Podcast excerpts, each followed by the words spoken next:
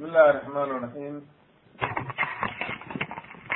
بسم الله الرحمن الرحيم إن الحمد لله نحمده ونستعينه ونستغفره ونعوذ بالله من شرور أنفسنا ومن سيئات أعمالنا من يهدي الله فلا مضل له ومن يضلل فلا هادي له وأشهد أن لا إله إلا الله وحده لا شريك له وأشهد أن محمدا عبده ورسوله يا أيها الذين آمنوا اتقوا الله حق تقاته ولا تموتن إلا وأنتم مسلمون يا أيها الناس اتقوا ربكم الذي خلقكم من نفس واحدة وخلق منها زوجها وبث منهما رجالا كثيرا ونساء واتقوا الله الذي تساءلون به والأرحام إن الله كان عليكم رقيبا يا أيها الذين آمنوا اتقوا الله وقولوا قولا سديدا يصلح لكم أعمالكم ويغفر لكم ذنوبكم ومن يطع الله ورسوله فقد فاز فوزا عظيما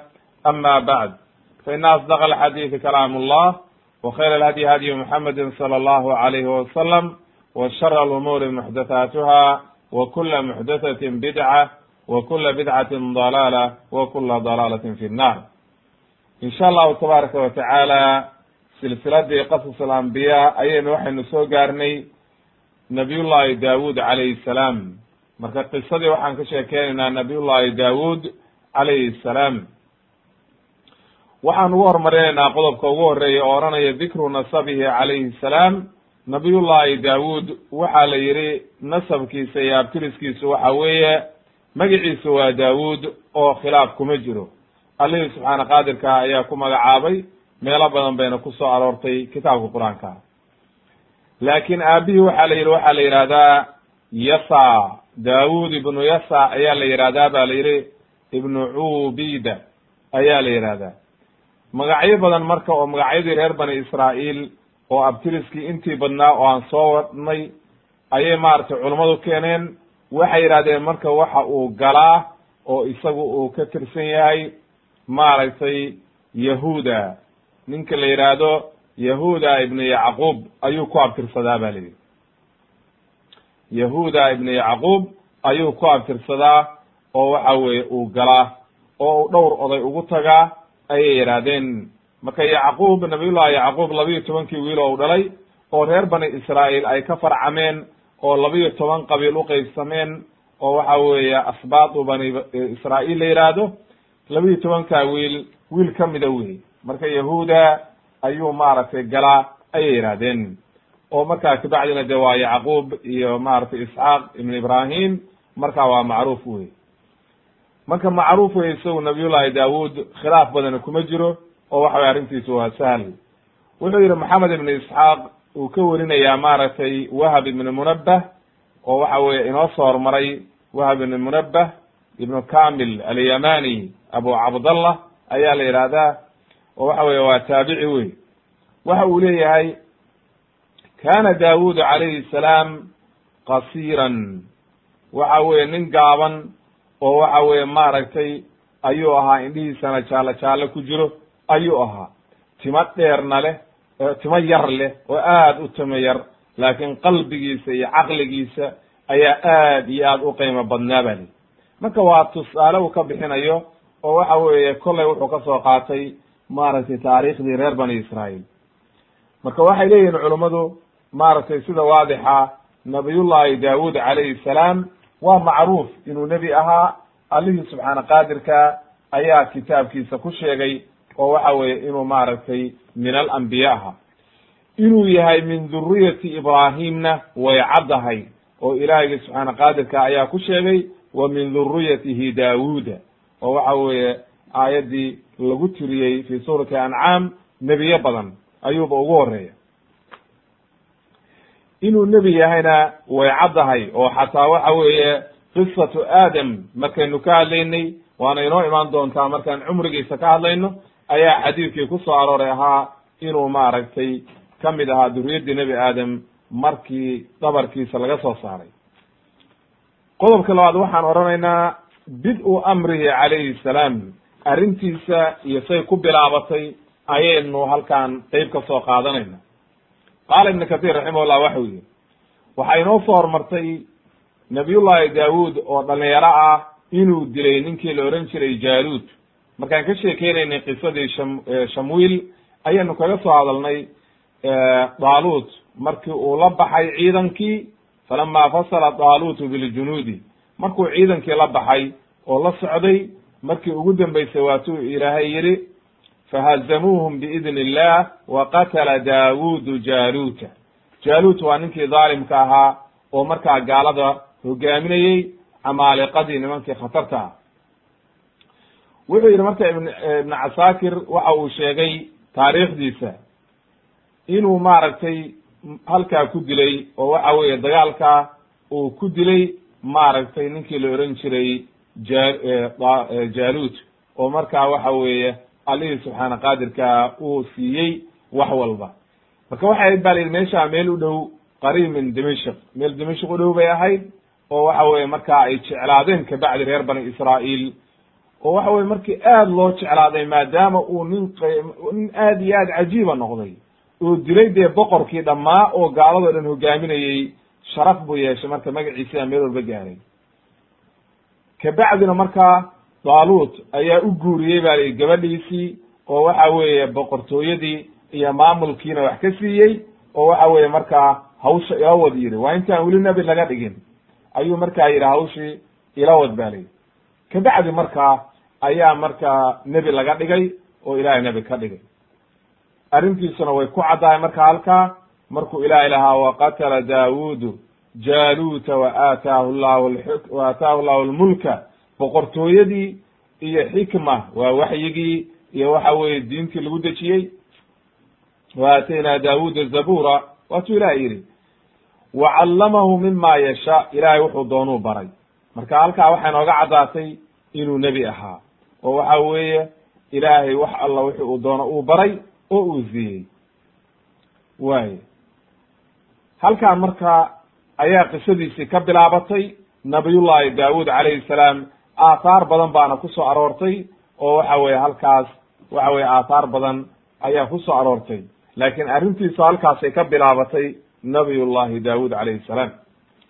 Ibnu jariir waxa uu leeyahay fi taariikhi ana jaaluuta ninkii jaaluud la ohan jiray lama baaraza daaluut markii dagaalkii laisu yimid bu wuxuu daaluuda ii soo bax fa qaala lahu waxa uu yihi markaa daaluut intuu la hadlay dadkii markuu ku yidhi ii soo bax ayuu marka wuxuu yihi daaluut wuxuu damcay inuu u baxo. Markuu daca inuu baxaa waxaa booday ninka la yihahdo daawuud oo waxa weye yidhi anaa u baxaya kabacdina markaas ayuu dilay. Wahab ibnu munabihna waxa uu leeyahay famaala annaasu ila daawuud calayhi salaam waxa weye mar alla markuu daalu ninkii uu dilay jabbaarka ah dhaalimkaa ayaa dadkii oo dhan marka waxay ku soo xoomteen oo waxa weeye ay u wada yimaadeen ninkii loodhan jiray daawuud. Oo waxay yidhahan adiguna hogaami marka. Oo waxa weye arrintaba adiga ayaa u habboon maadaama ninkii dhaalimkaa aa dishay. Qaarna waxayba leeyihiinba waxaaba ku wareejiyey walaayadii xukumkii nebigii markaa joogay oo waxa weeye shamwiil ahaa laakiin cala kuli xaal wax daliila looma hayo. Jamhuur lculamaa waxay qabaan annahu inama waliya dalika bacda qatli jaaluud. Markuu jaaluud dilay kabacdi ayaa lagu wareejiyey maaragtay nidaamkii iyo maamulkii iyo waxa weye hogaamintii walcilmu cinda allah ilah baa garanay. Haddaba marka nabiyullahi daawuud calayhi salaam arrintiis saasay ku bilaabatay. Inuu waxa weye ku soo caanbaxay ninkaa dhaalimkaa oo dilay asbaab bayna ahayd allihii subxaana qaadirka ahaa ayaa maaragtay arrintan xikmadiisa iyo wanaagiisa ka waday inuu waxa weye arrintu ay saa u dhacdo. Qodobka saddexaad waxaan ku soo qaadaynaa ma jaa fi ana daawuda calayhi salaam kana ya'kulu min kasbi yadihi. Nabiyullahi daawuud calayhi salaam waxaa la yidhi waxa uu cuni jiray wuxuu gacantiisa ka shaqaysto. Wax kale ma cuni jirin ba la yidhi oo waxa weye wuxuu gacantiisa ka shaqeeyo unbuu cuni jiray oo kasbi xalaal ayuu cuni jiray. Alihi subxaana qaadirka waxau leeyahay qaala allahu tacaala walaqad aataynaa daawuda mina fadla. Ya jibaalu awidii macahu waطayr wa alannaa lahu lxadiid. Marka meeshaan weye macalshaahidku aayadda inteeda hore waxa weeye ilahay wuxuu inoo sheegay inuu daawuud fadli dheeraada iyo wanaag siiyey amrayna buurihii iyo waxa weeye shambirihii iyo kulli inay la tasbiixsadaan ilahay wuxuu yidhi marka wa alannaa lahu alxadiid. Birta ayaan u jilcinay nabiy llahi daawuud. An icmal saabiqaatin waqadir fi sardi wacmaluu saalixa inii bima tacmaluuna basiir. Waxay leeyihiin marka culummadu allihii subxaana qaadirkaabaa wuxuu u fududeeyey inuu sameeyo birta oo markaa duruucda dagaalka lagu galo oo waxa weeye xabadaha la yskaga dhigo oo waxa weeye qaaliga markaa ahaa inuu ka sameeyo birtii saabiqaatin. Macnaha waa waxyaalaha la dhigayo oo waxa weeye duruucda laga gashanayo. Dagaalka. Waqadir fi sardi wacmaluu saalix. Ina bima tacmaluuna basiir.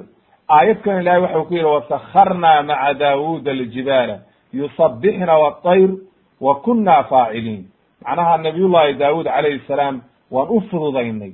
Oo waxa weeye inay buurihii iyo shimbirihii iyo kulli la tasbiixsadaan wacallamnaahu sancata labuusin lakum lituxsinakum min ba'sikum fahal antum shaakiruun waxaan barnay buu yihi allihii subxaana qaadirka ahaa inuu sameeyo duruucda laga gashado dagaalka. Oo waxa weye waxyaalaha dharka laga gashado dagaalka oo bir laga samayn jiray oo waxa weye duruucdii ay gashan jireen wey qaala ibn kathir raximahullah waxa uu yihi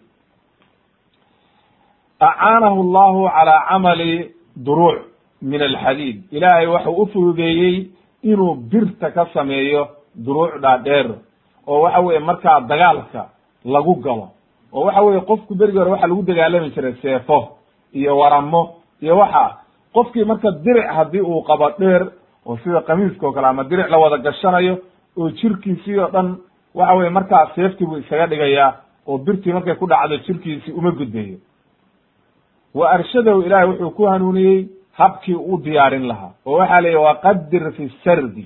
Ay macnaha masba musbaarka aad ku samaynaysid habkaad suu xirxiraysid aadna ha u adkaynin jileecna ha ka dhigin.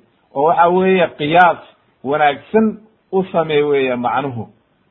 Wa qaala xasan albasri waxa uu yihi iyo qataata iyo acmash kana allahu qad alaana lahu alxadiida xata kana yuflituhu biyadihi laa yaxtaaju ila naarin walaa madraqa macnaha nabiy llahi daawuud ilaahay birtu u fududeeyey uma baahnayn ba la yidhi hadda dadka birta markay ka shaqaynayaan oo birta la waxaynayo oo la isku duberidayo waa tan dabka lagu shido oo la ololiyo oo la dhalaaliyo isaga waxaa uma baahnayn.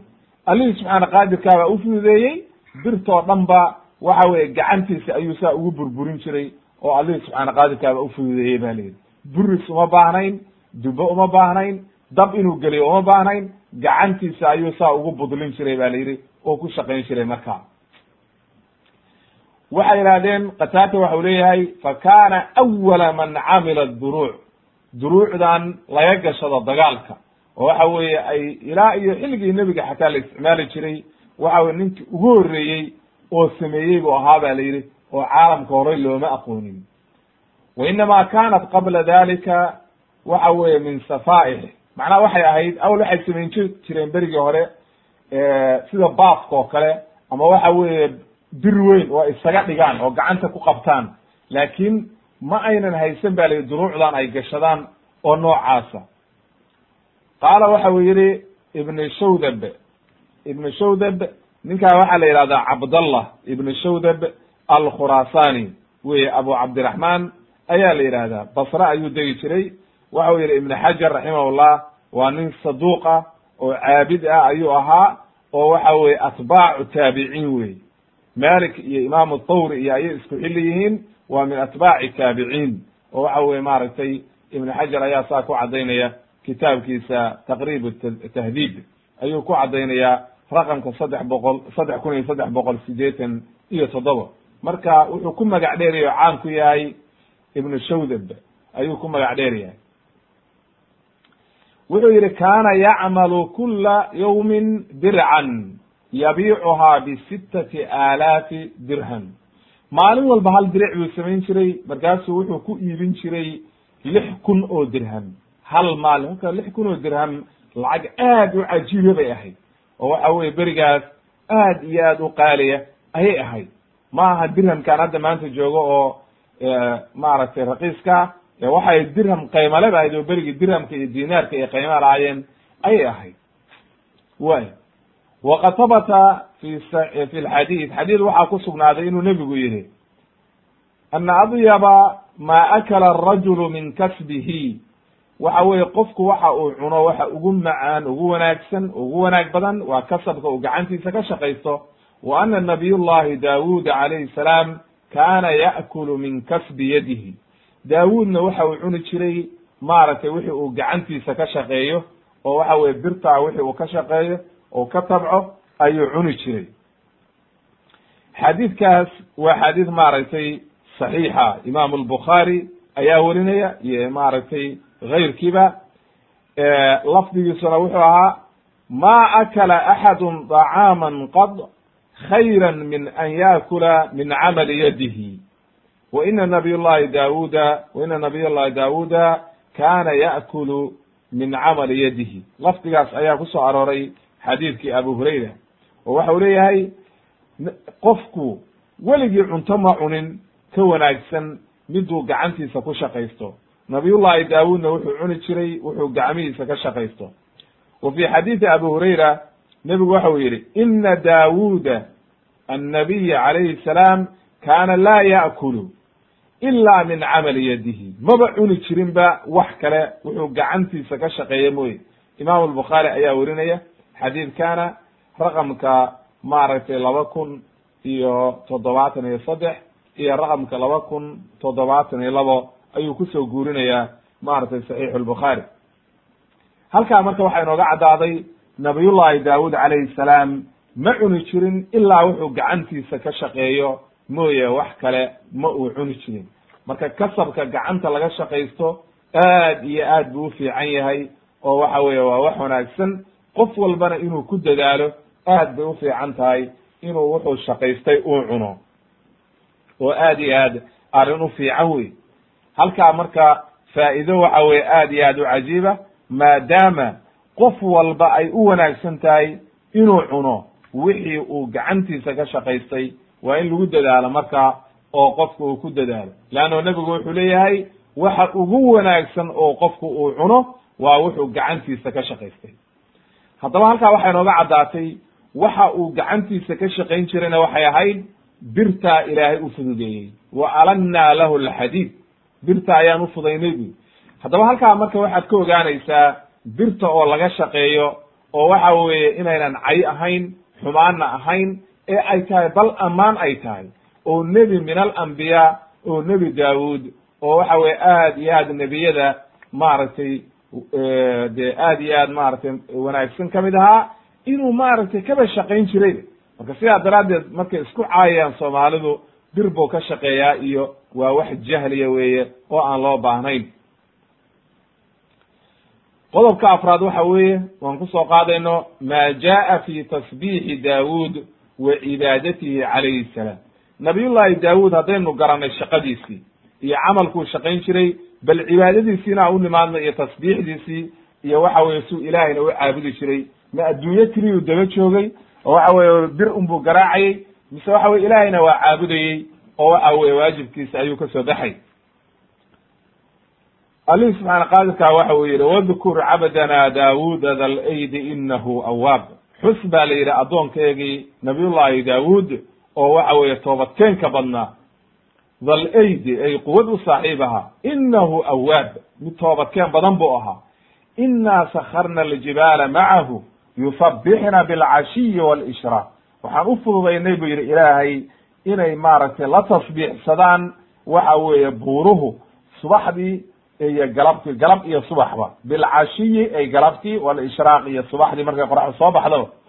Waatayra maxshuuratan kullun lahu awaab iyo shimbirihi iyaguna inta soo xooma oo u yimaada la tasbiixsanaya markaa ilaahay waxau yidhi washadadnaa mulkahu wa aataynaahu alxikmata wa fasla alkhitaab.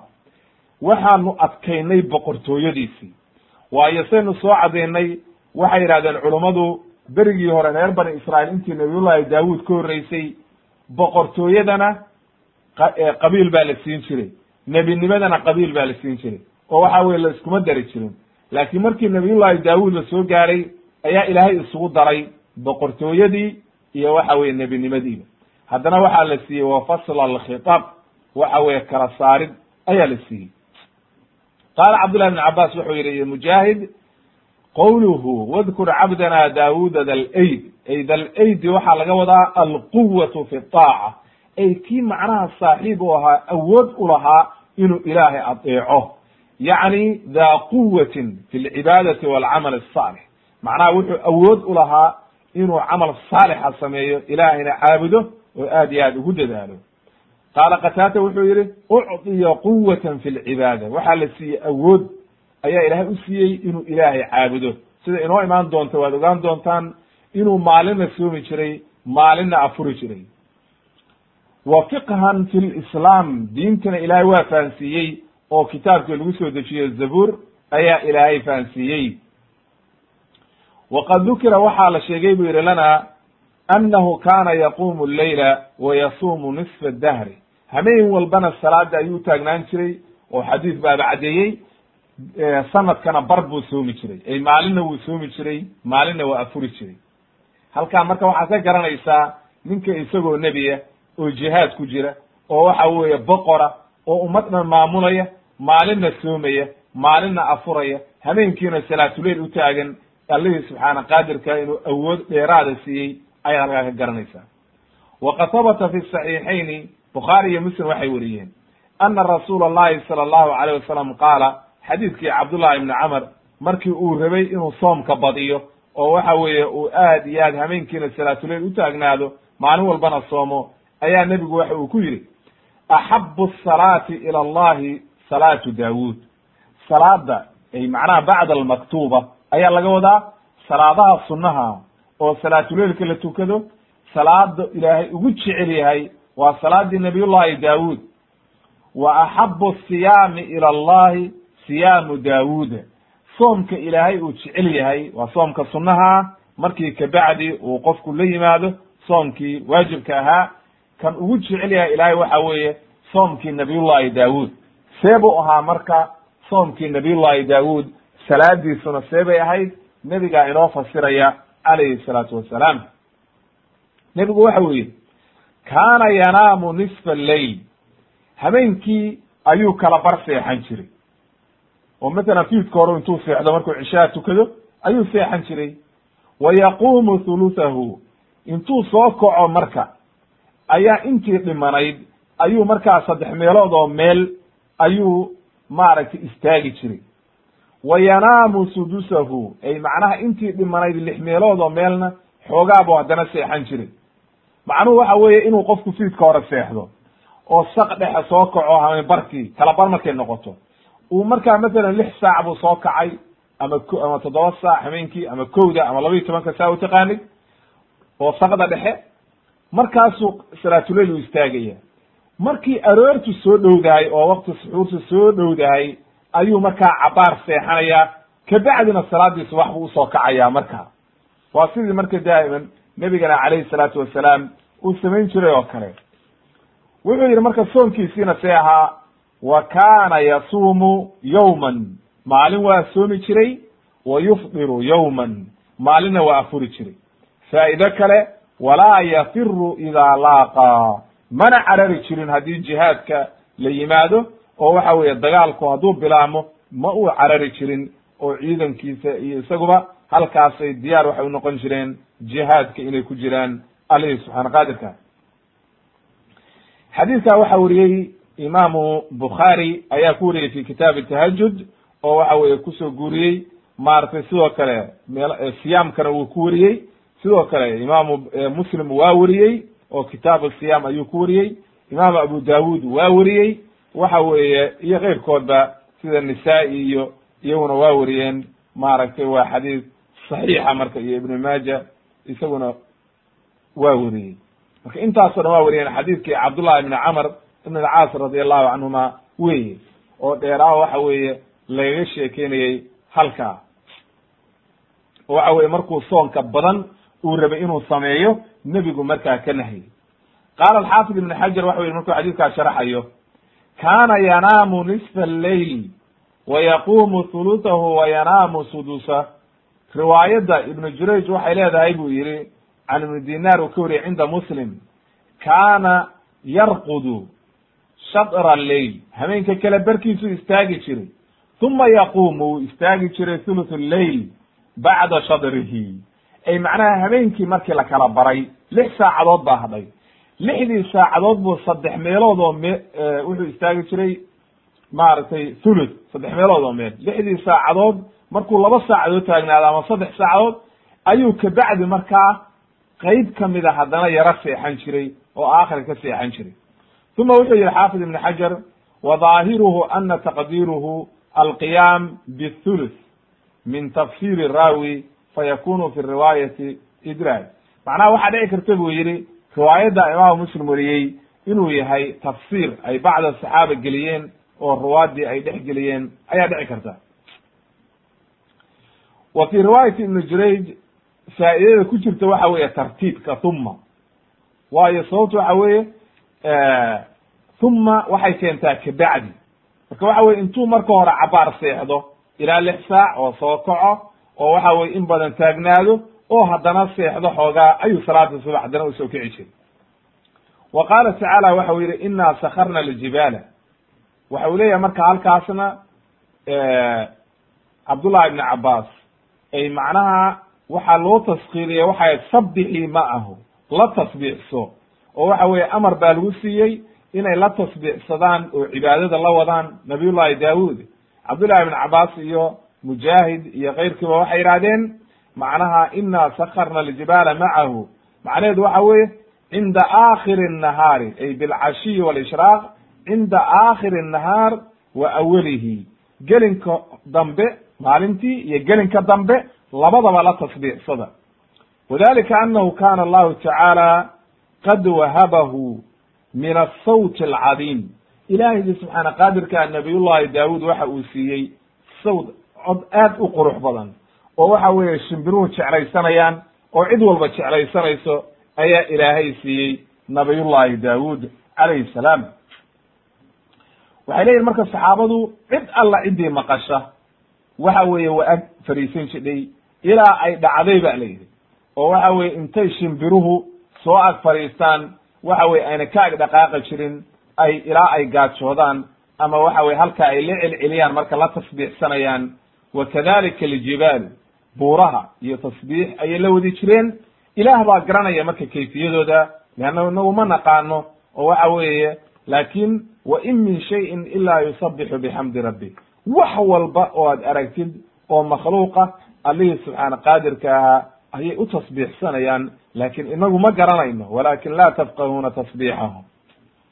Wa qaala alimaam alawsaaci waxa uu yihi waxa uu noo sheegay buu yihi imaam alawsaaci waa min a'imati ahli sunna cabdiraxman ibn camr ibn abi camr ayaa la yihahdaa alawsaaci abu camr ayuu ku magac dheer yahay waa faqih waxa weeye aad iyo aad maaragtay macruuf u ah waa kibaaru atbaaci taabiciin imaamu malik iyo imaamu thawri ayuu xilli isku ahaayeen.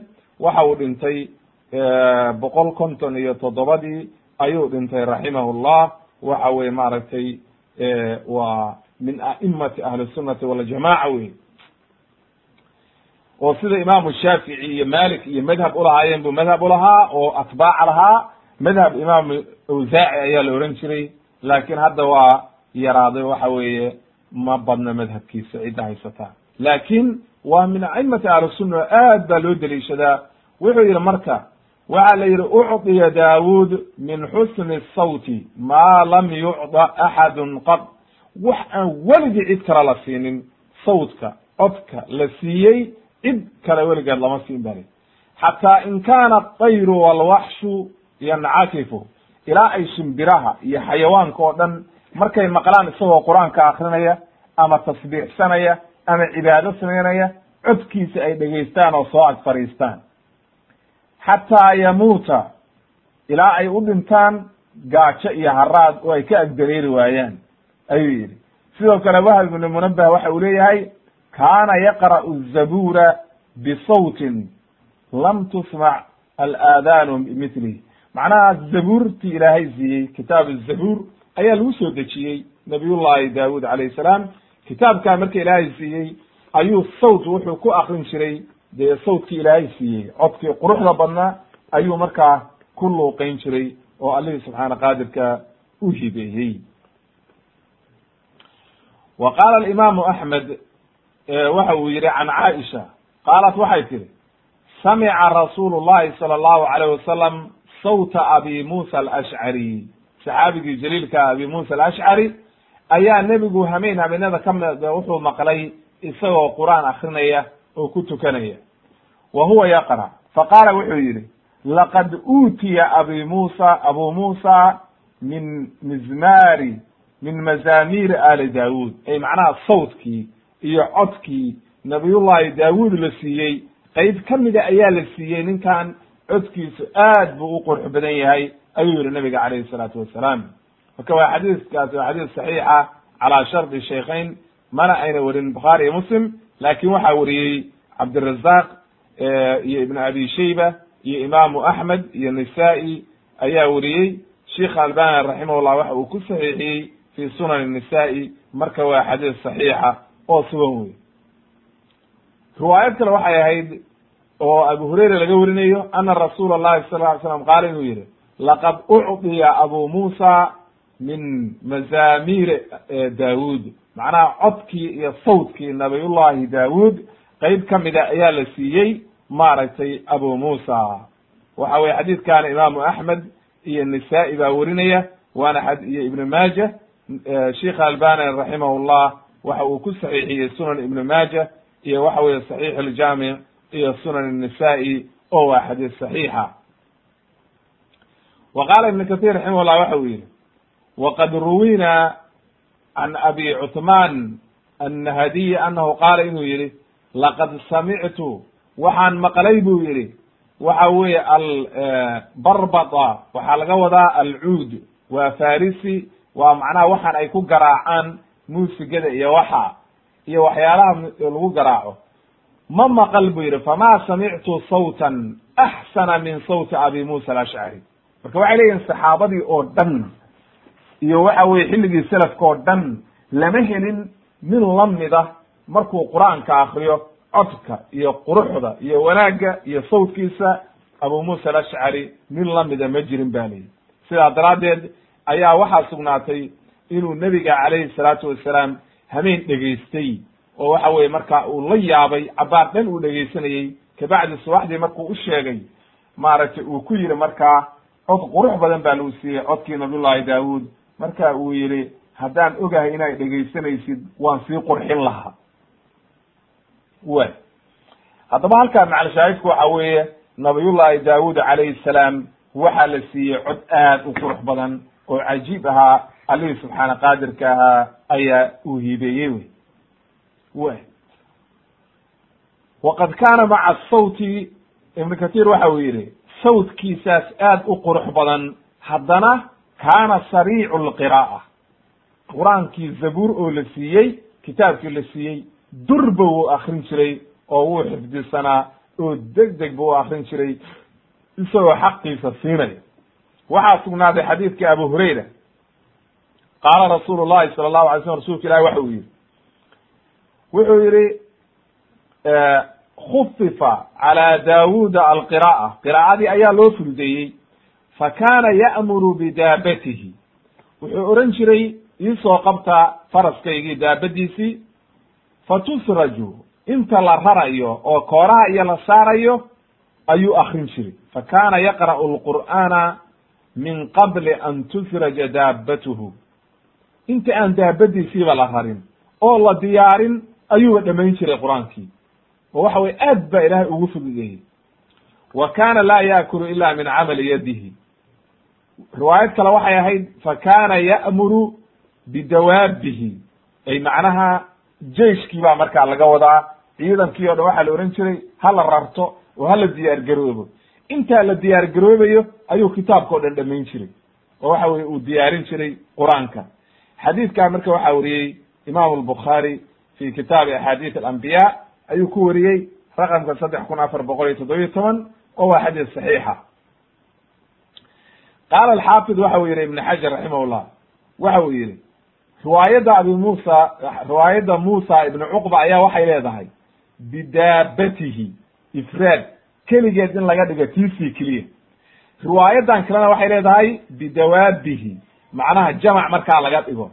Waxaa marka laba arrimood bay culimmadu yihahdeen baa suurtagala mar inuu ahayd daabadiisi isagu saarayd isagu uu saaraa oo faraskiisi inuu yihahdo hala ii diyaariyo oo koorihii iyo qalabkii hala igu xiro oo la ii diyaar gareeyey.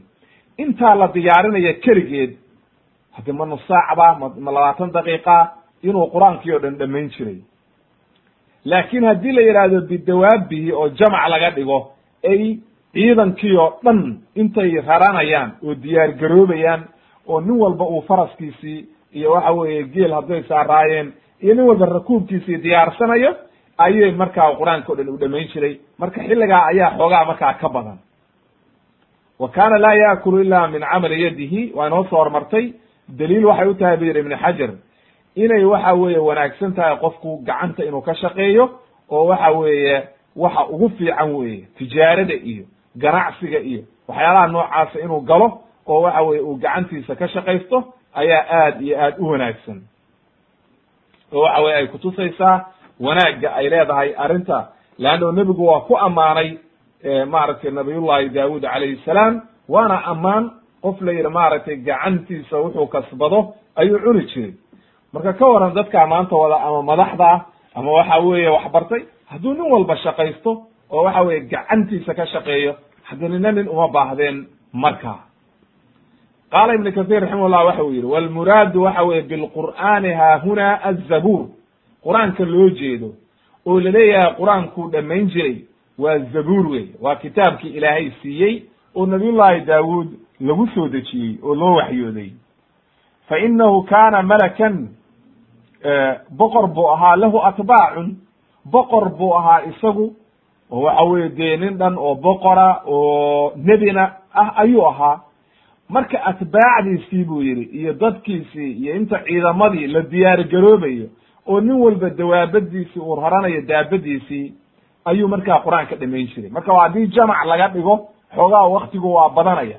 Laakin haddii la yidhaahdo daabatihi oo fardi laga dhigo keligii intuu diyaar garoobayo oo doon daabadiisii faraskiisii loo diyaarinayo ayuu dhamayn jiray ba li zabuurna waxa weye kitaab caadiya bay ahayd oo waxa weeye ilaahay soo dejiyey oo kutubta lagu sheegay kitaabka qur'aanka wa aataynaa daawuda zabura ayay ahayd sida tawraat nabiy llahi muusa loo siiyey oo kale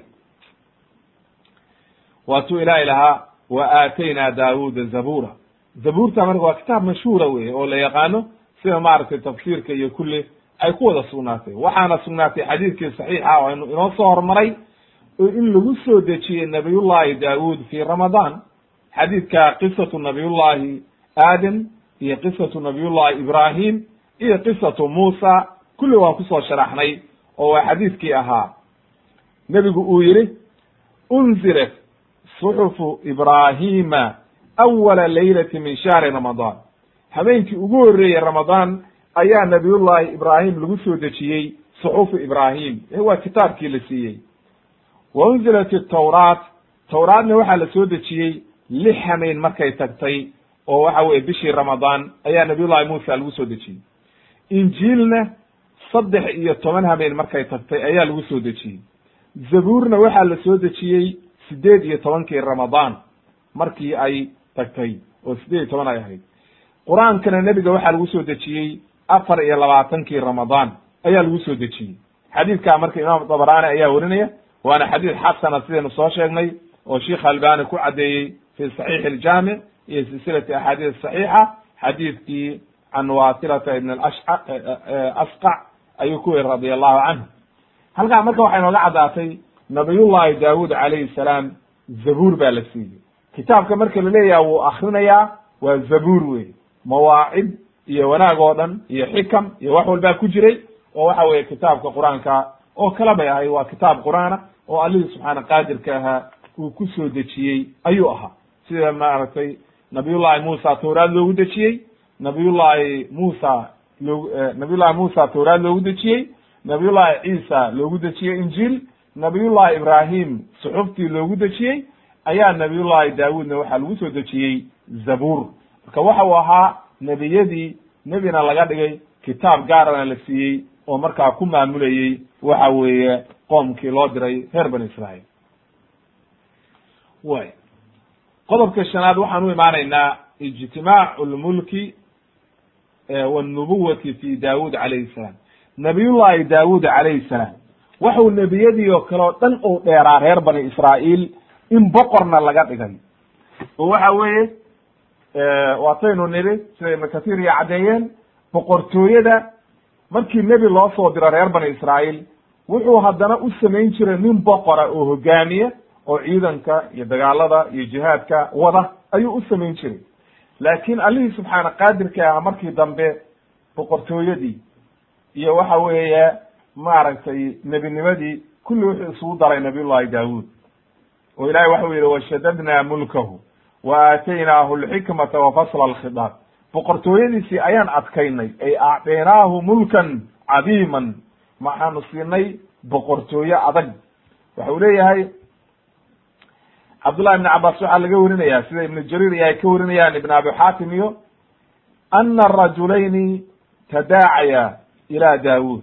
Laba nin ayaa u soo dacwootay nabiyullahi daawuud oo isku qabsaday lo. Markaasaa mid midkii kale ku dacweeyey wuxuu yidhi lo'da anaa leh. Kii kalena wuxuu yidhi anaa leh waa la isku qabsaday. Fa ankara almuddacaa calayhi. Kii lo'da markaa gacanta ku hayay oo haystay ayaa inkiro wuxuu yidhi may lo'daan ma lihid. Anaa iskale. Nabiyullahi daawuud ayaa loo keenay marka arrintii. Ninkiina waa inkiro wuxuu yidhi may anaa leh. Kana wuxuu leeyahy anaa leh. Waa isku haystaan marka. Nabiyullahi daawuud wuxuu yidhi ii kaadiya ilaa caawa oo birimaada kala saaraya. Habeen barkii markay ahayd oo salaatuleyl uu istaagay buu ilaahay beryey falama kaana alleylu habeen barkii markay ahayd ayaa awxa allahu ilayhi nabiyullahi daawud ilahay wuxuu u waxyooday an yaqtula almuddaci kii dacwoonayey oo lahaa waxbaa iga maqan dil baa layihi kaa dil baa layihi falamaa asbaxa markuu waagi beryey ayuu u yeeray labadii ninkii. Wuxuu yihi dhegaysa buu yihi ilaahay wuxuu ii waxyooday inaan ku dilo waana ku dilayaa laa maxaala oo waad dhimanaysaa. Ii sheeg arrinta xaqiiqada waxa ay tahay. Wuxuu yidhi marka nebigi ilaahay buu yidhi wallahi buu yidhi ya nabiy allah inii lamuxiqun fima iddacaytu calayhi. Horta waxaan aan ku sheeganayo oo xoolahan aan ku sheegtay oo lo'daa anaa iskale buu yidhi oo waa xaqaygii. Walaakinii arrintu waxay tahay buu yidhi aabihiis ayaan horay u dilay oo aan cidi ogeyn buu yidhi on qarsoodi ku dilay. Marka sidaa daraaddeed ilaahay wuxuu kugu waxyooday xaqii baa daahiray. Markaasaa ninkiisaa lagu dilay oo arrintii reer bani israil dhan loo sheegay macnaha inaan ninkaan waxba laga qarin karin. oo waxa weye qofkii wax qariya hada ilaahay ba u waxyoonaya oo waxa waxba lagama qarin karo. Cabdullahi ibni cabaas wuxuu yidhi marka qowluhu tacaala washadadnaa mulkuhu mulkahu halkaasaa laga wadaa bu yidhi. Boqortooyadiisi waan adkaynay oo waxa wey nin walba wuxuu is leeyahay kolley hadda haddaad wax qarisid hadda maadaa qarsoomaya biri baa lagu qabanaya oo waxa weye ilaahay baa u waxyoonaya waana lagu soo saarayaaye. Waxa weeye waxba ha qarinin ee arrinta caddee ayay markaa noqonaysa kabacdi markaas ayaa boqortooyadiisii saa u adkaatay oo waxa waxay noqotay boqortooye adag. Wa ama qowluhu wa aataynaahu alxikma ee annubuwa ayaa laga wadaa. Wa fasla alkhitaab. Ay macnaha waxaa laga wadaa qaala shureix iyo waxay leeyihiin ashacbi iyo qataate iyo waxay leeyihiin iyo keyrkoodba faslu lkhitaab waxa weye alshuhuudu walayman faslu lkhitaab waxaa la yihahdaa bay yihahdeen in qofku markhaati la yimaado ama dhaar. Waxa weeye siduu nebigu yihi calayhi salaatu wasalaam albayinatu cala almuddaci walyamiinu cala man ankar. Bayinadu waxa weeye oo laga rabaa inuu soo caddaysto markhaantiyaa la yimaado soo caddaysto kan wax sheeganaya. Walyamiinu calaa man ankar. Qofkii haddii uu marka markhaantiyaa la imaan waayo kii wax lagu sheeganayey ayaa la leeyahay dhaaro marka haddii aad inkirtay ama xoolihii bixi haddii uu dhaarto waa lagu kala tegaya marka. Marka soomaalidu aad bay halkaan ugu khaldamaan axkaamtan waxa weeye sida xaqiiqada ah labada qof waxbay isku qabsanaya markay dacwo noqoto labadii qof nin baa nin soo dacweeyey matalan wuxuu leeyahy ninkan waxaan ku leeyahay intaasoo xoolaa. Isagii baa loo yeerayaa war ninkaan xoolahan ma kugu leeyahay hadduu aqbaloo yidhaahdo waa igu leeyahay dee khalaas waa dhamaatay xoolihiisii si weeye oo waxa way saa ku bixin kadhid iyo waa laga wada hadlaya. Laakin waa dhamaatay markaa dacwadii maxkamaddii waa lagu kala tegaya xoolihii iska bixi wey haddii marka uu yidhaahdo iguma leh oo waxba iguma leh oo inkiraad uu keeno waxaa la leeyahay ninkan dacwada keensaday. Orod markhaantiyaal la imo soo caddayso ama qoraal wax cad ama markhaantiyaal soo caddaysa ninkan saad wax ugu leedahay hadduu la yimaado marka laba markhaanti oo caddaynaya oo caadila oo ka markhaanti kaca inuu ninkaa waxaa ku leeyahay waxba la dhaarinayo xoolihii bixi baa laleyahy waa lagugu leeyahay.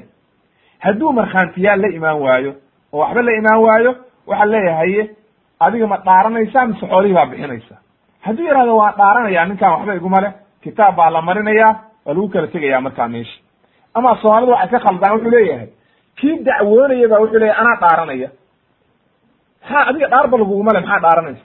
Dhaarba meesha ma taalo ninkaana dhaarta lagu leeyahy marka sidaa daraaddeed bu nabigu wuxuu yihi albayinatu cala almuddaci. Ninka waxa weeye wax sheeganaya ayaa laga rabaa caddayn. Walyamiinu calaa man ankar qofka waxa weeye inkiray ayaa dhaar lagu leeyahay oo waxa weye inuu soo inuu dhaarto laga raba qaala sudiy waxa uu yihi isagu faslu lkhitaab waxa weeye isaabat lqada'i wa fahmi inuu waxa weeye qofku arrintii uu waafaqo oo fahmo oo si xaqa u xukumo mujaahidna wuxuu yihi faslu lkhitaabi waxa weeye fi lkalaam kalaamka waxa weeye wa fi lxukmi ay macnaha kalaamkiisuna wuxuu ahaa kalaam waadixa oo waxa weeye waadixa oo aan maaragtay isku dhex khaldanayn oo codkar bu ahaa xukumkiisuna wuxuu ahaa xukum aan la liiliijin karin oo xaqa oo alihi subxaana qaadirkaa uu uga cadihiyey haddaba wuxuu marka arrintaasi mana nafyinaysa qaar baa waxay yidhahdeen culummada faslulkhitaab waxa weeye qowluhu ama bacdu. Macnaha ma ink taasna ma ma nafyinayso oo way dhici kartaa inay iyadana noqoto. Lakin hadda waxaa loo jeedaa inuu macnaha arrintiisu ahayd arrin maaragtay ilaahay adkeeyey oo waxa weeye faslulkhitaab uu siiyey oo waxa weye aan la liliijin karin inay ahayd. Ayaa waxa weye halkaa ka caddaatay marka. Qodobka lixaad baan u soo gudnayna gudbaynaa o odhanaya dikru tawbati daawud calayhi salaam. Nabiyullahi daawud calayhi salaam iyo toobadkeenkiisii mar uu maaragtay degdegey oo waxa weye markaa kabacdi ilahay u toobad qaala allahu tacala ilahi waxa uu yidhi wahal ataaka naba'u lkhasmi id tasawaruu lmixraaba ma kuu yimid baa lay nebi maxamedow ma ogaato ma kuu yimid akhbaartii ma kuu timid. Labadii doodaysay markay nabiyullahi daawuud mixraabkiisii mixraabku waxa weeye almakan almurtafic waa meesha maaragtay uu ku cibaadaysan jiray oo waxa weeye kor uga kacsanayd weye waxa weye meel kore oo waxa weye uu salaatuleilka ku tukan jiray. Id dakaluu ala calaa daawuuda markay daawuud u soo galeen nabiyullahi daawuud fafazica minhum. Wuu ka naxay markaa oo waxa weeye wuu ka aad buu u argagaxay. Qaaluu waxay yidhahdeen laa takaf ha cabsanin. Khasmaani bagaa bacduna calaa bacdin. Laba ninoo doodayaan nahay oo xoolo isku haysata oo isdulmiyey oo qaarba qaarka kala dulmiyey oo maaragtay qaar baa dulmi la yimid. Faxkum baynana bilxaqi walaa tushqid wahdinaa ilaa sawaa'i siraat. Nagu xukun baa la yidhi sida xaqa ah oo kitaabka ilaahay nagu xukun oo xaqa ah oo hanoo kala eexan oo sida xaqa a nagu xukun dariiqa xaqaana nagu toosi oo waxa weeye nagu hanuuni. Mid baa hadlay marka waxa weeye ina hada akhi lahu tiscun wa tiscuuna nacja waliya nacjatun waaxida ninkan walaalkaya waxa u leeyahay bu yidhi sagaashan iyo sagaal ida ah. Nacja waa idaha oo sameynaa waliya nacjatun waaxida ana hal baan leeyahay bu yidhi hal sameen ayaan leeyahay bu yidhi oo ida ah fa qaala waxa uu yihi kii sagaashan iyo sagaalka lahaa aniga isii tanna iigu dar boqol iiga dhig. Fa qaala wuxuu yidhi adsilniiha wacazanii fi lkhitaab. Boqol iiga dhig buu yidhi oo anaa boqolka ku buuxsanaya taadana isii waana aad buu igu adkeeyey. Oo waxa weye arrintii waa igu adkeeyey. Nabiyullaahi daawuud marka ninkii kale ma u oran hadal. Mar alla markuu kaasi saa ku hadlay ma xaq buu sheegayaa? Oo ma runtiisa inuu sagaashan iyo sagaal isagoo leh uu maaragtay kala wareegay oo yiri kii kale maaragtay ma runba mise waxa weeye waa khaldan waa beenti oo waxa weye been buu sheeganaya. Kii kale kama hadal siin marka. Nabiyullaahi daawud wuu la yaabay arrintii nin sagaashan iyo sagaal idaa leh see buu u hal nin oo hal neef oo idaa haysta qaala wuxuu yidhi laqad dalamaka wuu ku dulmiyey buu yidhi bis bisu'aali nacjatika. Horta inuu ku su'aalaba khalad bay ahayd bu yidhi. Waaba dulmi inuu ku su'aalo oo ku yidhaahdo isii. Ilaa nacaajihi idihiisa inuu ku darsado. Wa ina katiira min alkhulaqaa'i. In badan dadku markay wax isku darsadaanna layabgi bacduhum calaa bacd. Qaar qaarkoodba qaarka kale ay dulmiyaan oo ilaahay kama baqaan. Ila aladiina aamanuu kuwii ilaahay rumeeye mooye wa camiluu asaalixaati wa qaliilu ma hum. In yar oo ilaahay rumaysay oo camal saalixa samaysay ilahay ka cabsanaysa mooye inta kale dulmi bay sameeyaan. Ilaahay waxa uu yidhi wadanna daawuudu. Daawuud marka xukun buu riday oo ninkaanu gartii siiyey isagoo kii kala waraysan ilahay waxau yidhi marka wadanna daawuudu. Nabiyullaahi daawuud isla markiiba wuxuu ogaaday annamaa fatannaahu in la imtixaamay. Oo arrintu ay imtixaan min allah ahayd fastakfara rabbahu ilaahay buu dembi dhaaf weydiistay wa khara raakican wa anab wuuna rukuucay oo waxa weeye maaragtay wa khara saajidan ay raakican waxaa laga wadaa sujuudi wa anaab ilaahay buuna u soo noqdo waa toobadkeen ilahay waxau yidhi fakafarnaa lahu dalik waan u dembi dhaafnay oo arrintaas waan u dhaafnay marka waxa weye waan u dhaafnay marka wa ina lahu cindana lazulfa wa xusna ma'aab aakhirana markii la tago waxa uu leeyahay xusna ma'aab. Wuxuu leeyahay meel loo noqdo oo wanaagsan ay janna aljanna ayuu leeyahay. Qaala ibn katir raximahullah waxa uu yihi wadakara kathiiru min almufasiriin min asalafi walkhalaf. Halkan waxay ku keeneen qisas fara badan akhbaar fara badan israa'iiliyaat aad iyo aad u fara badan oo kulli wada beena. Oo waxa weeye wax qaymaa aan lahayn waanu isaga tagnay marka oo kitaabkiina halkaan ku soo aroorino waan iska daynay. Waayo sababtu waxa weeye kulli waa wada daciif. Wax qaymaa ay leedahayna ma jirto. Oo waxay yidhaahdeen maaragtay arrinta waxaa laga waday nabiyullaahi daawud dumar badan buu qabay nin hal naag leh ayuu dacay naagtiisi inuu ka qaado. Sheekooyin noocaasa oo aan habboonayn oo wada daciifa ayay ku keeneen wax qiimana male.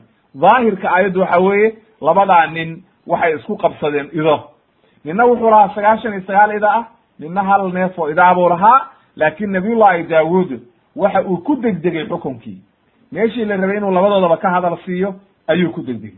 Oo waxa weeye una ka hadal siin ee waxa weeye uu xukunkii riday oo maaragtay ninkii hadlay uu gartii siiyey laakiin waxay ahayd inuu labadaba ka hadal siiyo oo yidhaahdo war haye ma saxiix baa wuxuu sheegayo mise waa kugu been abuuranaya markaasay caddaan lahayd arrintu sida xaqiiqada oo waxa weye kala caddaan lahayd. Qaala ibnu kathir raximahullah waxa uu yidhi haddana waxaa la isku khilaafay oo culummadu isku khilaafeen fi sajdati sad.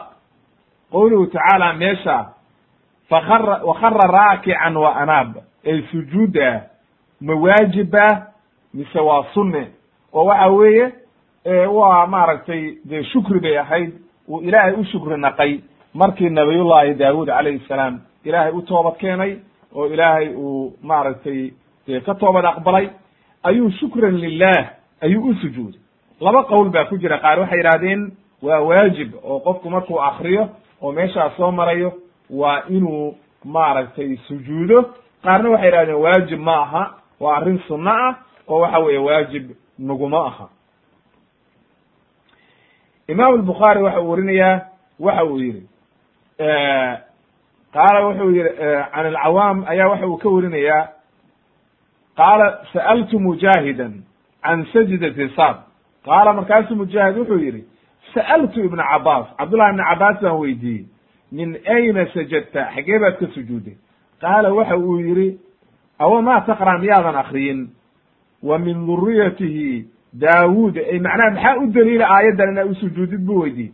Markaasu wuxu miyaadan akriyin qowluhu tacaala fi suurati ancaam wa min duriyati daawuuda wa sulayman ila akhiri alaaya aayadda akhirkeeda ilahay waxa uu ku yidhi ulaa'ika aladiina hada allah fabihudaahu muqtadi marka nabiyullaahi daawuud wuxuu ka mid noqday nebiyadii la amray nebiga nebiga waxaa la amray inuu ku daydo nebiyadii hore nebiyadii marka la soo tiriyey oo la yihi ku daya kuwa oo nabiyullahi ibraahim iyo nabiyullahi daawuud iyo sulaymaan nebiyadaasuu ka mid ahaa.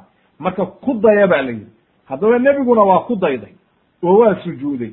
Innaguna waa ku daynayna wuxuu yidhi fa kaana daawuudu minman umira nabiyukum. Nabiyullahi daawuud wuxuu ahaa kuwii la amray nebiga inuu ku daydo. Fasajadahaa wuu ku sujuuday. Fasajadahaa waxaa sujuuday daawuud. Nabiyullahi daawuud baa sujuuday fasajadahaa rasuulu llahi sala la sl rasuulka ilahina waa sujuuday maadaama marka rasuulkiina sujuuday nabiyullahi daawuudna uu sujuuday nebiguna ku dayday annagana waa ku dayanayna waxa weye asarkaa waxaa werinaya imaamu albukhaari fi kitaabi tafsir ayuu ku werinayaa oo waxa weye maratay saxiixu lbukhaari sidoo kale cikrama wuxuu werinayaa can ibni cabaas uu ka werinayaa annahu qaala inuu yihi fi sujuudi saad sujuudda saad lagu sujuudo laysat min cazaa'imi sujuud. Ay waajib ma aha. Waqad ra'aytu rasuula allahi sala allahu alayh wasalam yasjudu fiiha.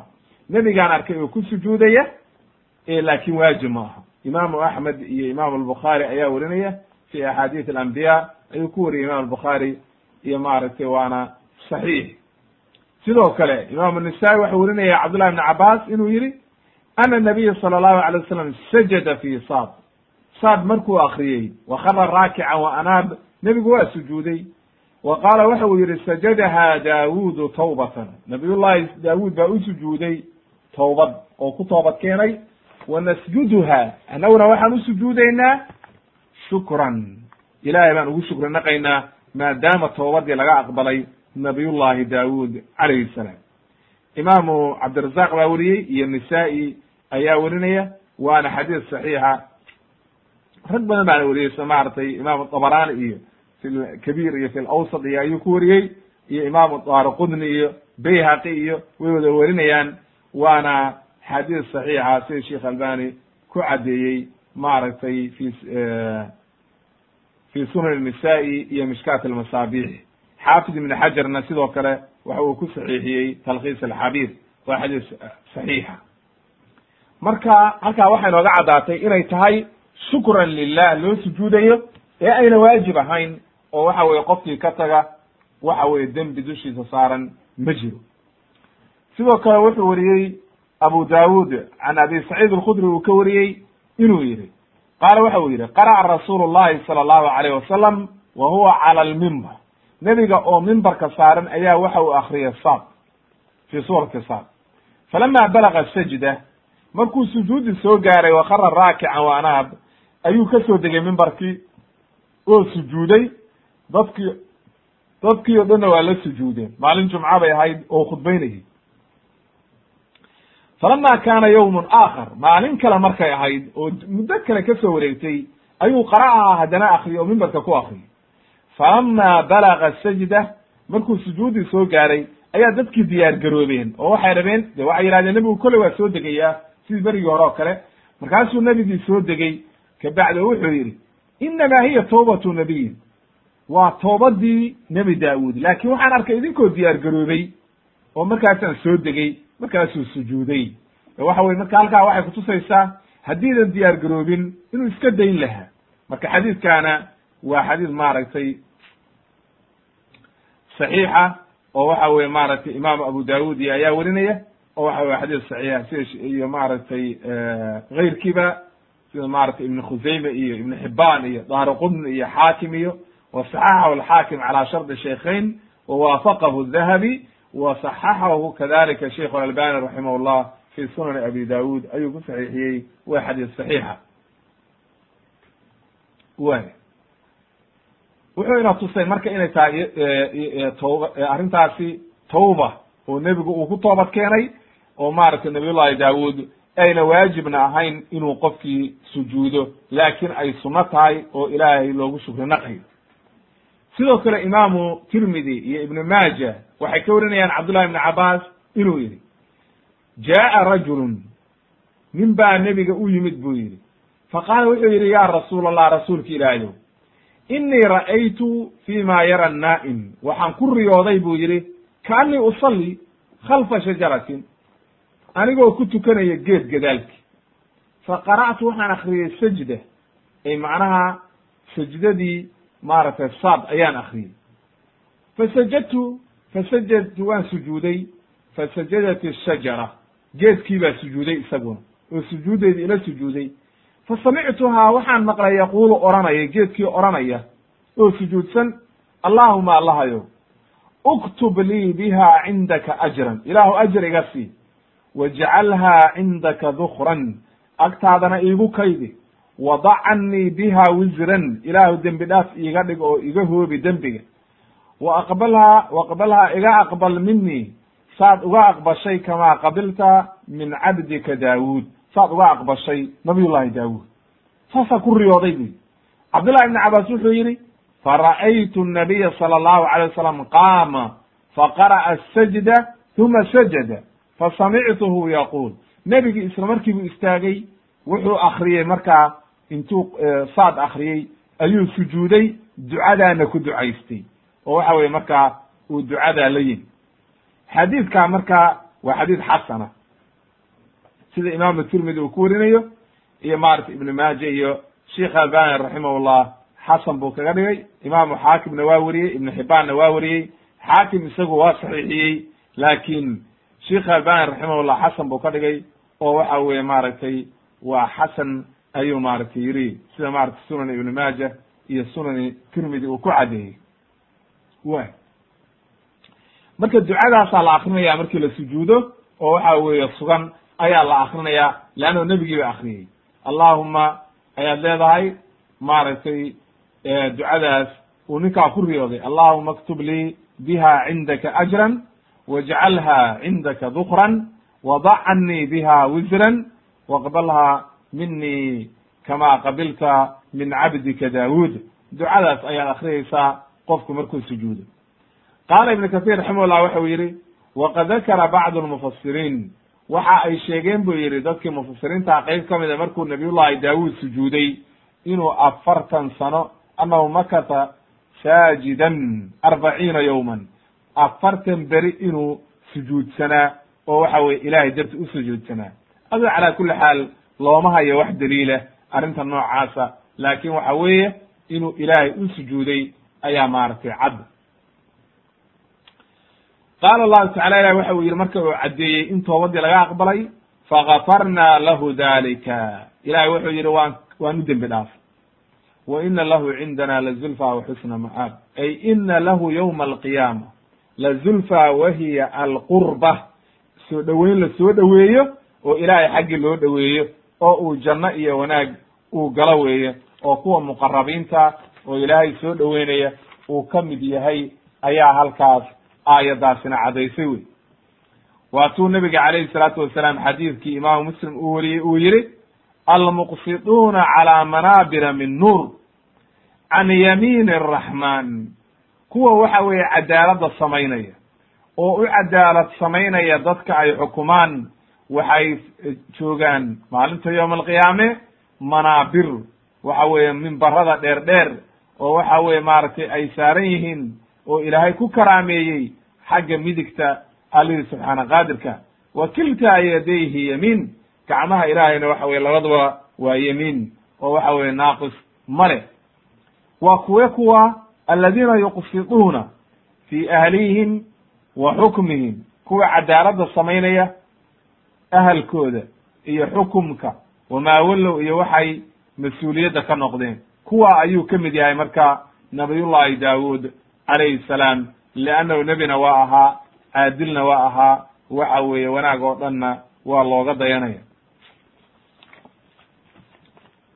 Waya uma qaala tacaala ilahi waxa uu yidhi ya daawuudu inaa jacalnaaka khaliifatan fi lardi dhulka waxaanu kaaga dhignay khaliifa ay madax oo waxa weeye dhulkii baan mas'uul kaaga dhignay faxkum bayna annaasi bilxaqi dadka ku xukun si xaq ah walaa tattabic ilhawa maar faxkum bayna annaasi bilxaqi walaa tattabic ilhawa hawadaada ha raacin fa yudilaka can sabiili illah ayna marka haddaad hawadaada raacdid jidkii dariiqii xaqa ahaa oo toosnaa ayay hawadu kaa dhuminaysaa ina aladiina yudilluuna can sabiili illah lahum cadaabun shadiid. Kuwa waxa weeye jidkii ilaahay ka leexanaya waxay leeyihiin cadaab adag bay leeyihiin. Bima nasuu yowma alxisaab. Waxa sababtu maxay tahay? Ay bisababi nisyaanihim yowma alxisaab. Maalinta qiyaamaha way ilaaween marka maadaama hawadooda raaceen oo ay ilaaween maalintii qiyaame haddaba marka adigu ha ku dayanin wa hada khitaabun min allahi daawuud calayhi salaam. Ilahay nabiy llahi daawuud buu saa ula hadlay. Walmuraadu waxa weeye wulaatu lumuur wa xukaamu nnaas. Dadka dadka xukminaya oo waxa weeye qudaada noqonaya oo maxkamadaha jooga oo waxa weeye inay ilaahay ka baqaan oo dadka cadaalad ku kala xukumaan ayaa la rabaa wa amruhum wa amruhum bilcadli cadaalad inay sameeyaan ayaa la amray. Wa itibaaci alxaqi xaqana ay raacaan. Oo kitaabka qur'aanka iyo sunnaha ay raacaan. Ee hawadooda iyo waxa weeye waxay jeceshahay naftu inayna raacin ayaa la amray. Wey intaasoo dhan marka waxay kutusaysaa inay waajib tahay si cadaalad ah oo xaqa in dadka loo xukumo oo ilaahay laga cabsado. Qodobka toddobaad waxa uu keenayaa dikru shayin min fadaa'ili daawuud calayhi salaam. Waxa weeye waxaan soo qaadanaynaa qeyb ka mid a fadaa'ishii iyo wanaaggii nabiyullahi daawuud uu lahaa. Qaala ibnu kahiir raximahullah waxa uu yidhi wa kana daawuudu calayhi salaam huwa almuqtadaa bihi fi dalika azaman fi lcadli wa kahrati alcibaada wa anwaaci alqurabaat waxaa looga dayan jiray buu yidhi cadaaladda iyo cibaadada iyo sida ilaahay looga dhowaanayo loogu dhowaanayo intaba nabiyullahi daawuud baa looga dayan jiray. Buy xataa inahu kana laa yamdi saacatun min aanaa'i leyli wa adraaf nahaar saacad ma jirin buu yidhi wakti ilaa waxa weeye camal saalixa ayuu samaynayey isaga iyo ahalkiisa oo markaa habeen iyo maalinba sidii ilaahay uu yidhi icmaluu aala daawuuda shukraa qaliilu min cibaadiya shakuur. Maaragtay addoommadii nabiyullahi daawuud ayaa lala hadlay dadkiisii iyo ahalkiisii war ilaahay u shukra naqaa la yidhi wanaaggaas ilaahay ida siiyey. Qaala cabdullahi ibni mubaarak waxa uu yidhi fi kitaabi zuhdi uu ku soo arooriyey waxa uu yidhi waxa uu noo sheegay buu yidhi sufyaan athawri can rajulin can wahab ibni munabbah qaala wuxuu yidhi ina fi xikmati ala daawuud.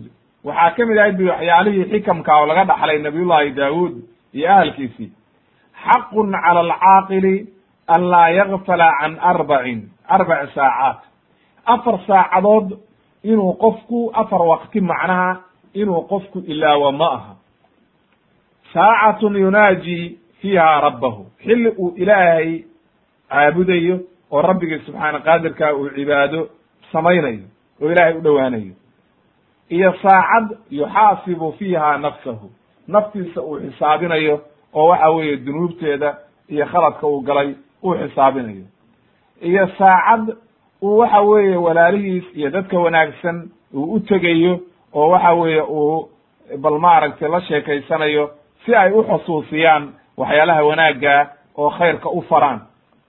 Iyo saacad uu naftiisa u shaqaysanayo oo waxa weeye uu nasanayo ama waxa weeye wax cunayo ama waxa weye markaa uu adduunkiisa u shaqaysanayo.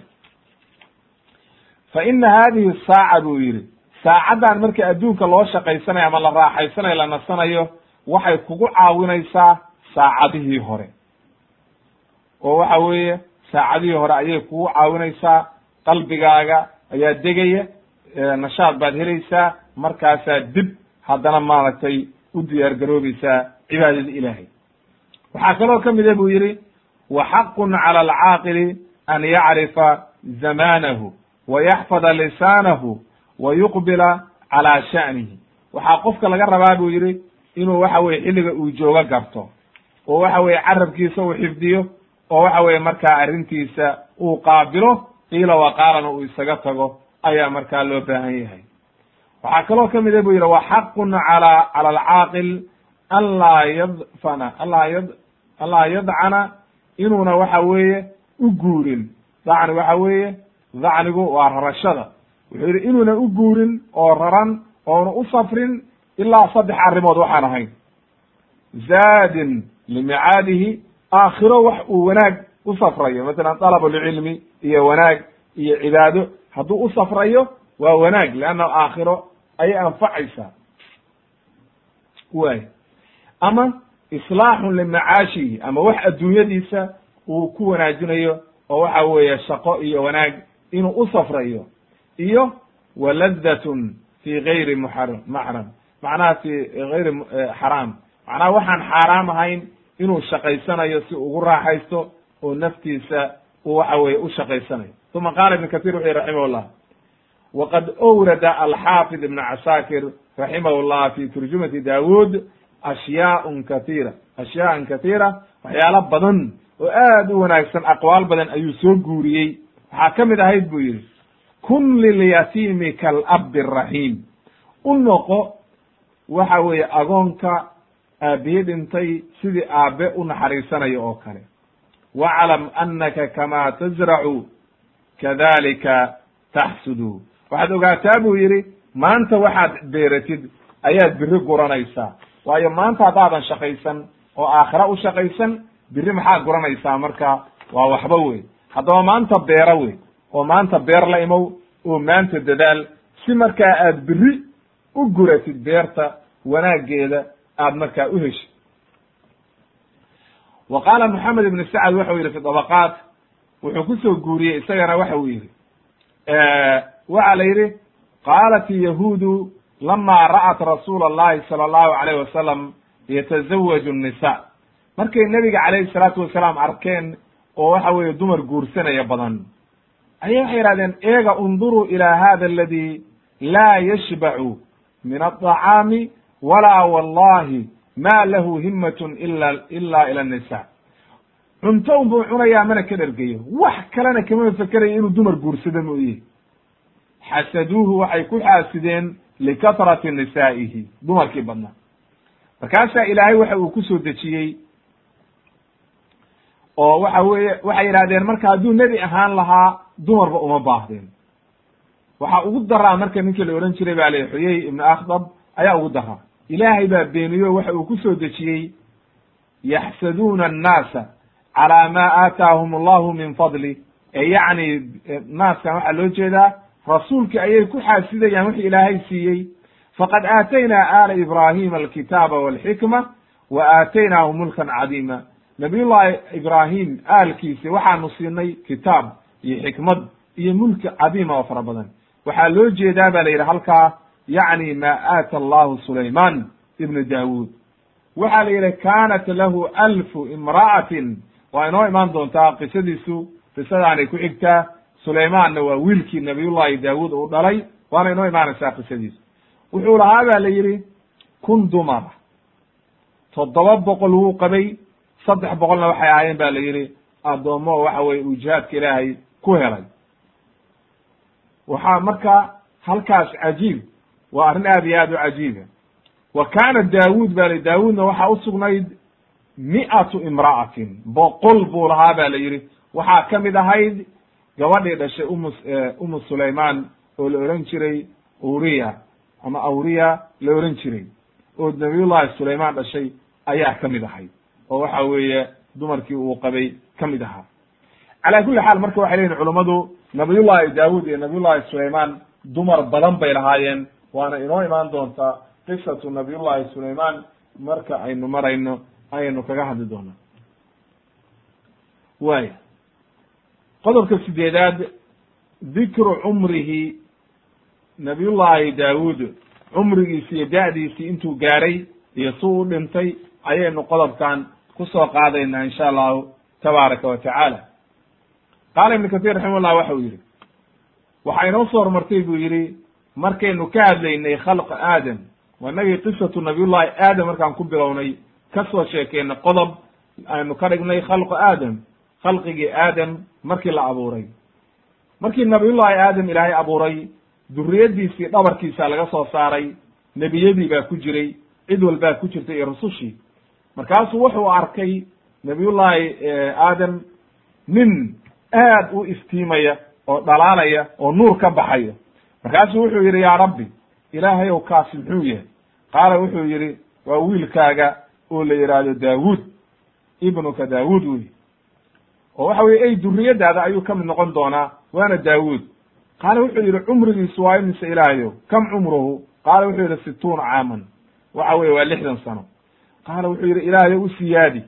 Markaasuu ilahay waxau yidhi la ilaa an aziida min cumrik. Cumrigaaga da'daada ma uga siyaadiyaa oo adiga intaad noolaan lahayd leannahu nabiyullahi daawuud kun sanaa loo qoray. Kunkii sana ma kaaga gooya qaar oo ma ugu daraysa markaasuu ila daawuud nabiyullahi aadam waxa uu yidhi ha arbaciina sana ugu dar oo boqol sana ha noolaado. Waayahay ba layidhi nabiyullahi daaw nabiyullahi aadam marka markii dhulka la keenay ayuu cumrigiisa tirin jiray. Suu cumrigiisa u tirinayey markuu sagaal boqol iyo lixdan sano noolaa ayaa waxa u yimid malaka mawdkii markaasuu yidhi waa laykaa soo diray. Markaasuu wuxuu yidhi may afartan sana ii hadhay. Markaasuu wuxuu yidhi afartanka sano adigii daawuud ugu daray markaasuu yidhi uguma darin. Waa inkiray. Wuu ilaawey marka nebigu wuxuu yidhi calayhi salatu salaam nasiya aadamu maaragtay wa nasiya duriyatahu maaragtay isagiina waa ilaawey duriyadiisuna halkaasa ilowgii kaga bilaabmay.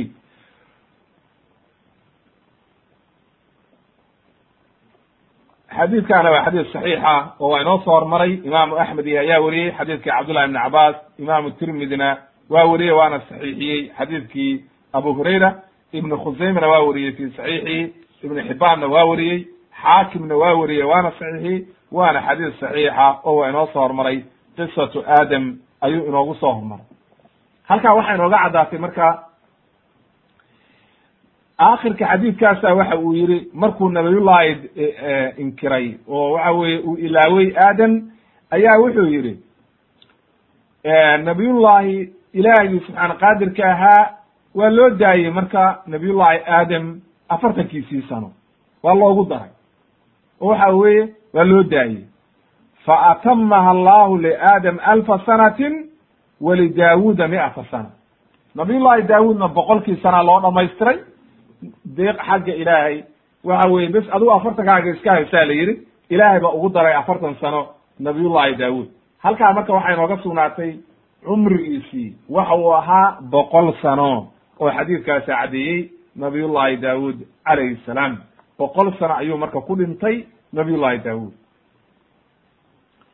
Qaala ibnu jariir waxa uu yidhi fi taariikhihi qaar baa waxay sheegteen ahlu kitaabka inay yidhaahdeen daawuud wuxuu noolaa sabcan wa sabciina sana.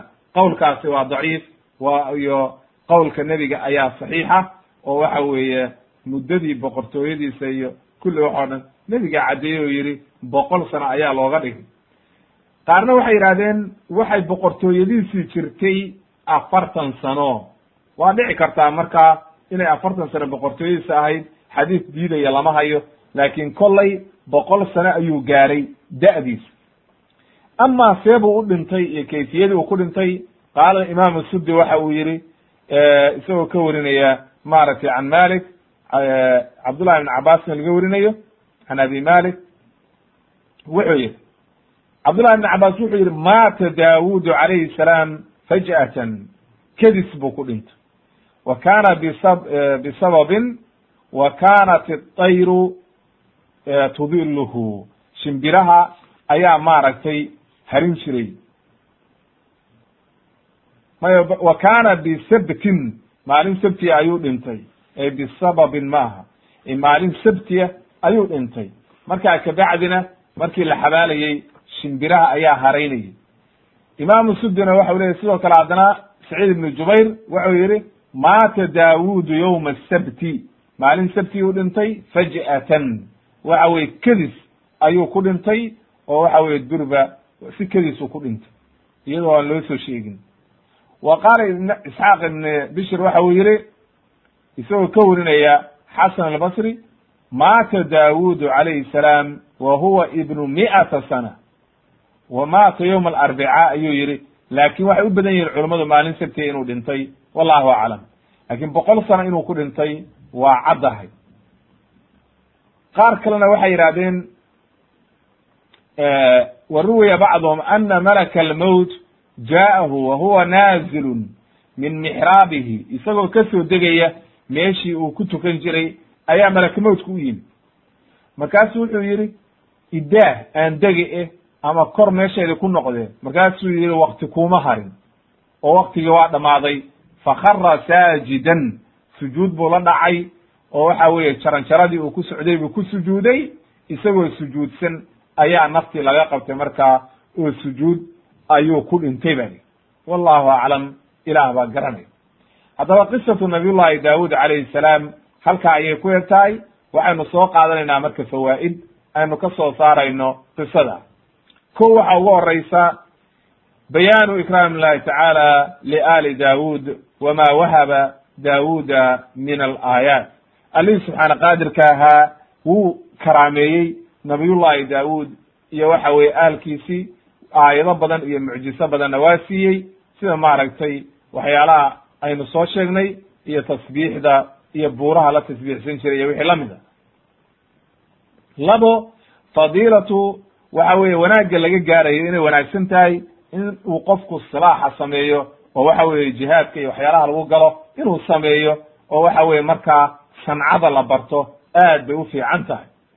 Saddex waxa weeye wujubu shukri cala anicam nicmada ilaahay ku siiye wanaagga inaad ka shukri naqdid aad iyo aad bay u wanaagsan tahay oo waxa weeye salaada lagu shukriyo oo waxa weye qofku intuu salaad tukado ilaahay u shukriyo oo waxa weeye u shukri naqo aad bay u wanaagsan tahay waa arrin aad iyo aad u wanaagsan oo waxa weeye lagu toobad keeno. Afar waxaa ka mid a fadlu tasbiixi lilahi subxaana wa tacaala in ilaahay loo tasbiixsado waa kaas nabiyullahi daawud ilaahay amrayo inay xataa shimbirihii iyo buurihii iyo cid walba la tasbiixsato. Marka in loo tasbiixsado oo waxa weye tasbiixda la badiyo aad iyo aad bay u fiican tahay rabbigii subxaana qaadirkaana waxa weye waa loogu dhowaadaa waayo waxaa lagu beertaa jannada. Oo subxaana allah walxamdu lilah wala ilaha illa allah allahu akbar. Aad bay u fiican tahay.